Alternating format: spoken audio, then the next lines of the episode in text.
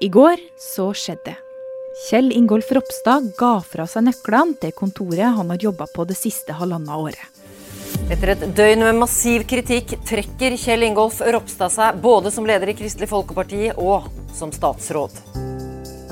Etter to uker med stadige avsløringer om gutterom, pendlerbolig og skatt, så slutta han rett og slett i jobben som barne- og familieminister og som partileder i kriseramma KrF. Men det her markerer på ingen måte slutten på problemene. Verken for Ropstad eller for partiet hans.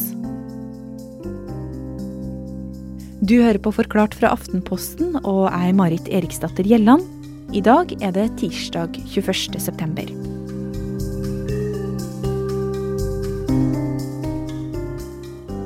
Vegard Vennli, du er journalist her i Aftenposten og har jobba sammen med kollegaen Nina Selbo Thorseth og Sigrid Gausen nå ganske lenge med denne saken. Og den har jo blitt ganske omfattende på kort tid. Hva handler den egentlig om nå? Det handler om uh, Kjell Ingolf Ropstad, toppolitiker i Norge, som har lagt en plan for å unngå å betale skatt for pendlerboligen for seg og familien. Og det hele starta for to uker siden.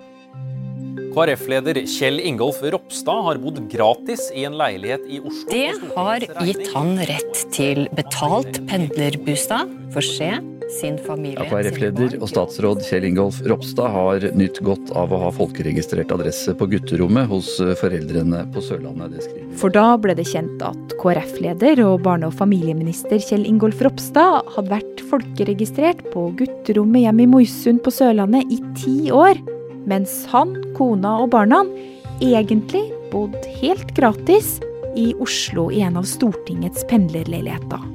Samtidig som han leide ut en bolig en halvtimes kjøretur fra Oslo, noe han tjente penger på. Men eh, jeg ser at det kan se rart ut, og jeg skjønner at folk reagerer på det. og Derfor er jeg jo lei meg for, for denne situasjonen. Det viste seg òg fort at Ropstad ikke var den eneste på Stortinget som hadde nytt godt av gutteromsordninga. Men det er likevel Ropstad det har handla mest om i ettertid. For for noen dager siden så skjedde noe som tok denne saken i en ny retning.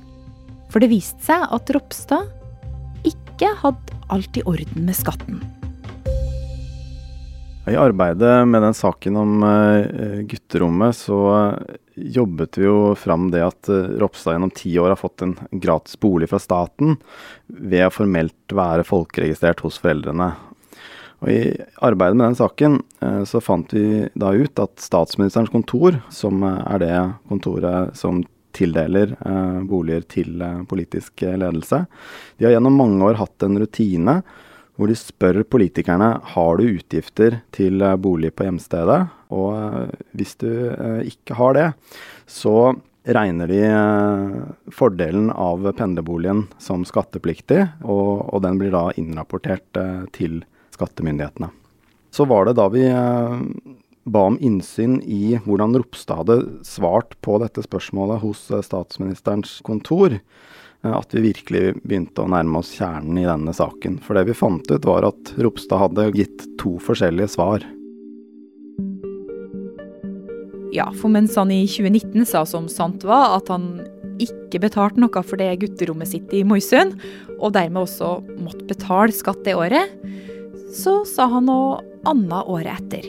Ja, det neste året så sa han at han hadde fått utgifter. Og dette skjemaet var jo sendt inn helt mot slutten av året i 2020. Sånn at nå begynte vi å få en del spørsmål som vi ønsket å stille til, til Ropstad. Ok, så det her gjorde da at dere begynte å skjønne at det kanskje var noe som ikke helt stemte, eller? Vi stussa i hvert fall på at uh, Ropstad plutselig hadde fått utgifter uh, til boligen hos foreldrene. Vi spurte om å få et intervju med uh, Ropstad, og hadde jo stilt han flere spørsmål i forkant. Og da vi kom til det intervjuet torsdag kveld, så åpnet Ropstad intervjuet med å legge kortene på bordet.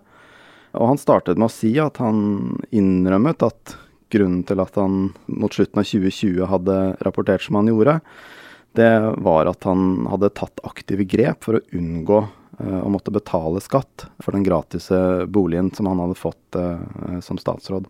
Så Vegard han innrømmer rett og slett å ha lagt en plan da, for å unngå å betale skatt? Det stemmer. Vi har også sett dokumentasjon i form av tekstmeldinger som Ropstad har fått fra sine foreldre. Som da er bilder av fakturaer på huset knytta til utgifter på boligen.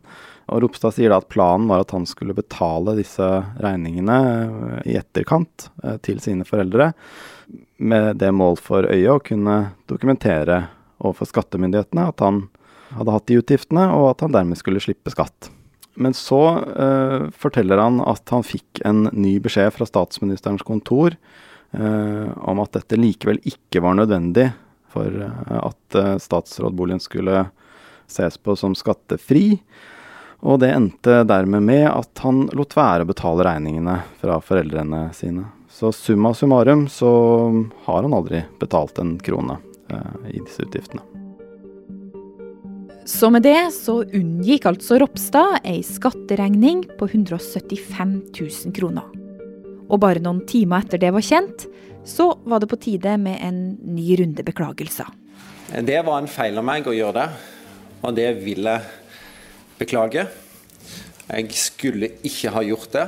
Eh, samtidig så, så, er jeg veldig motivert både å, å gjøre jobben som partileder og å fullføre den siste måneden som barne- og familieminister. Men i løpet av noen nattestimer så ble denne planen om å fortsette jobben endra.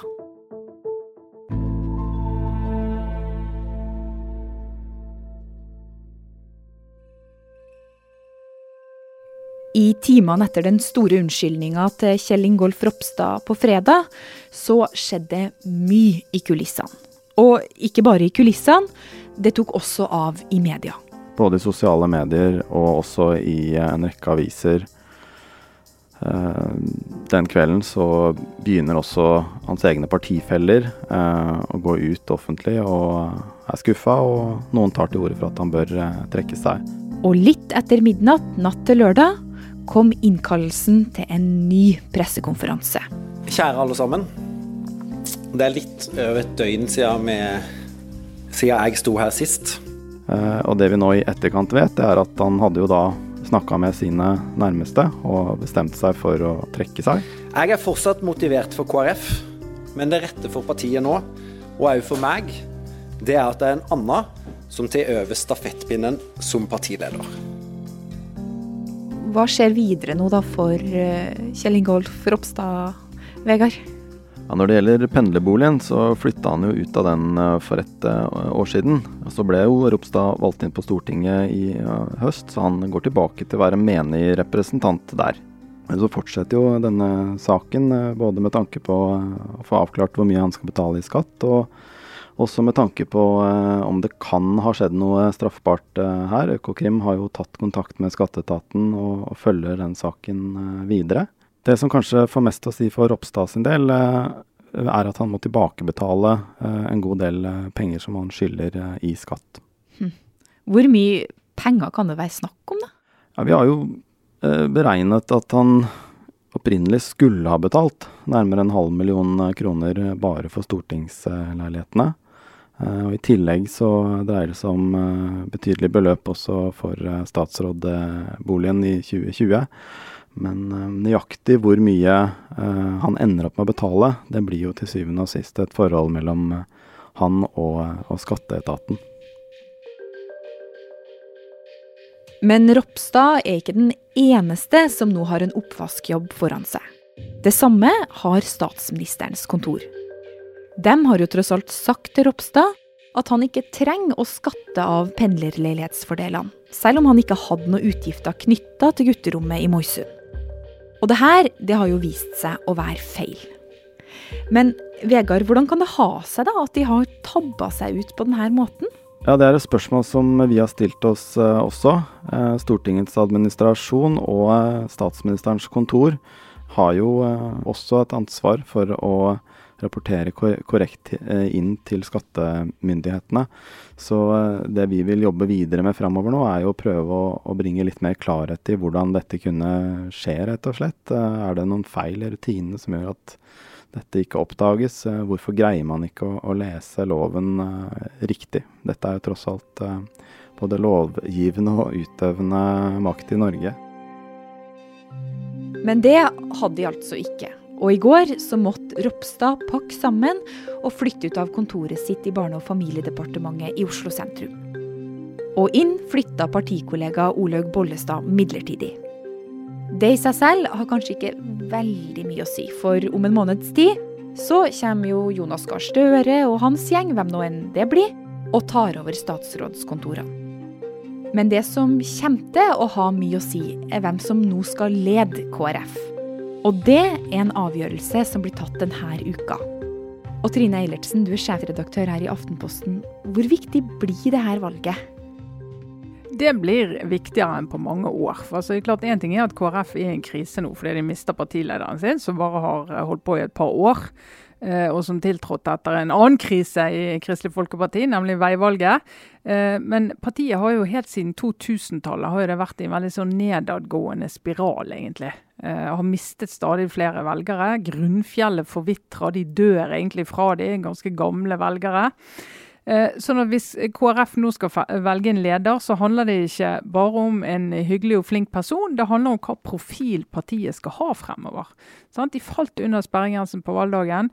De er nødt til å definere et politisk prosjekt som kan løfte de over sperregrensen og gi de et eh, langt liv i landet. Og akkurat nå så fremstår det som to enorme oppgaver. Du skal både finne personen og du skal finne et politisk prosjekt. Og de to tingene henger sammen. Hm. Hvem er det det står mellom, da? Det kommer litt an på hvem du spør. Eh, noen er veldig tydelige på i partiet at det må være en person som sitter på Stortinget, og da har du ikke så mange å velge mellom. Du har Kjell Ingolf Ropstad, men han skal jo da ikke være leder. Eh, det kan være Dag Inge Ulstein fra eh, Hordaland, Nye Vestland. Eller det kan være Olaug Bollestad fra Rogaland, for de to sitter også på Stortinget. Så noen mener at det må bli en av de, for det er så vanskelig å være partileder hvis du ikke er der. Der har du en plattform, du er en komité, stortingskomité, du har nesten klippekort til Dagsnytt 18, du kan være med i alle debattene. Mens andre sier at ja, vi må se litt bredere på det. Eh, er Ida, Ida Lindtvedt Røse er et navn som går igjen. Tidligere KrFU-leder. Eh, var vikar for Kjell Ingolf Ropstad som statsråd da han var i pappaperm. Regnes som et kjempetalent i partiet. Ung kvinne, liksom moderne profil. Har lyst til å revidere en del politikkområder, som noen sier. Hm, men uansett så er det et slags veivalg de må ta på nytt, om man skal gå for en som helst vil samarbeide mot venstresida i norsk politikk, eller om man skal gå for noen som helst vil samarbeide med høyresida. Ja, jeg tror jeg ser flere stemmer i KrF som advarer litt mot at de skal ta en sånn veivalgsdiskusjon igjen, og så sier at nå må vi huske at KrF er et sentrumsparti, har alltid vært et sentrumsparti. Altså da kan du samarbeide begge veier. Så du skal ikke nå binde deg fast til én side.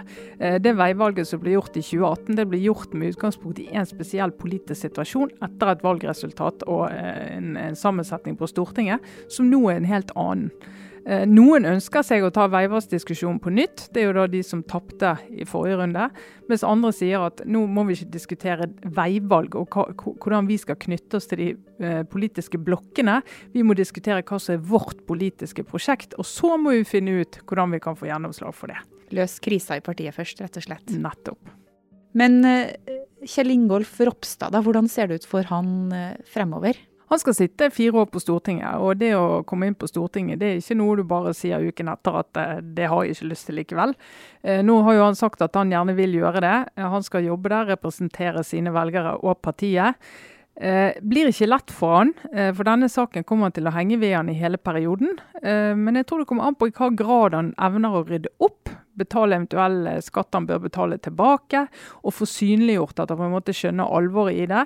Og òg få jobbe med politikkområder som, er, som, flytter han litt fra denne diskusjonen, men som kan markere han på andre områder. Da. Men det blir eh, fire, fire år på Ropstad på Stortinget.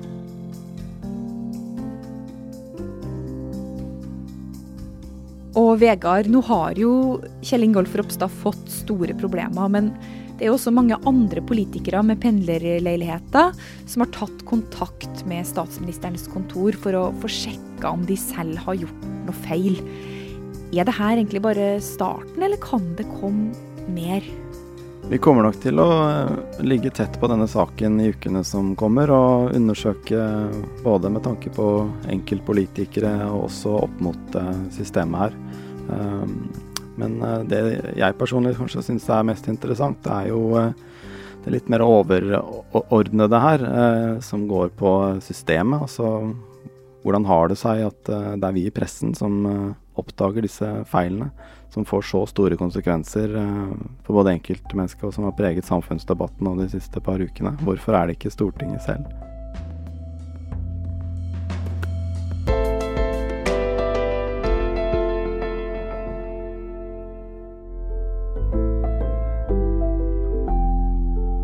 Denne episoden var laga av produsentene Fride Nesten Onsdag og David Vekoni. Og meg, Marit Eriksdatter Gjelland. Resten av Forklart er Anne Lindholm, Andreas Bakke Foss og Guri Leiel Skedsmo. Du har hørt lyd fra NRK, VG og regjeringen.no.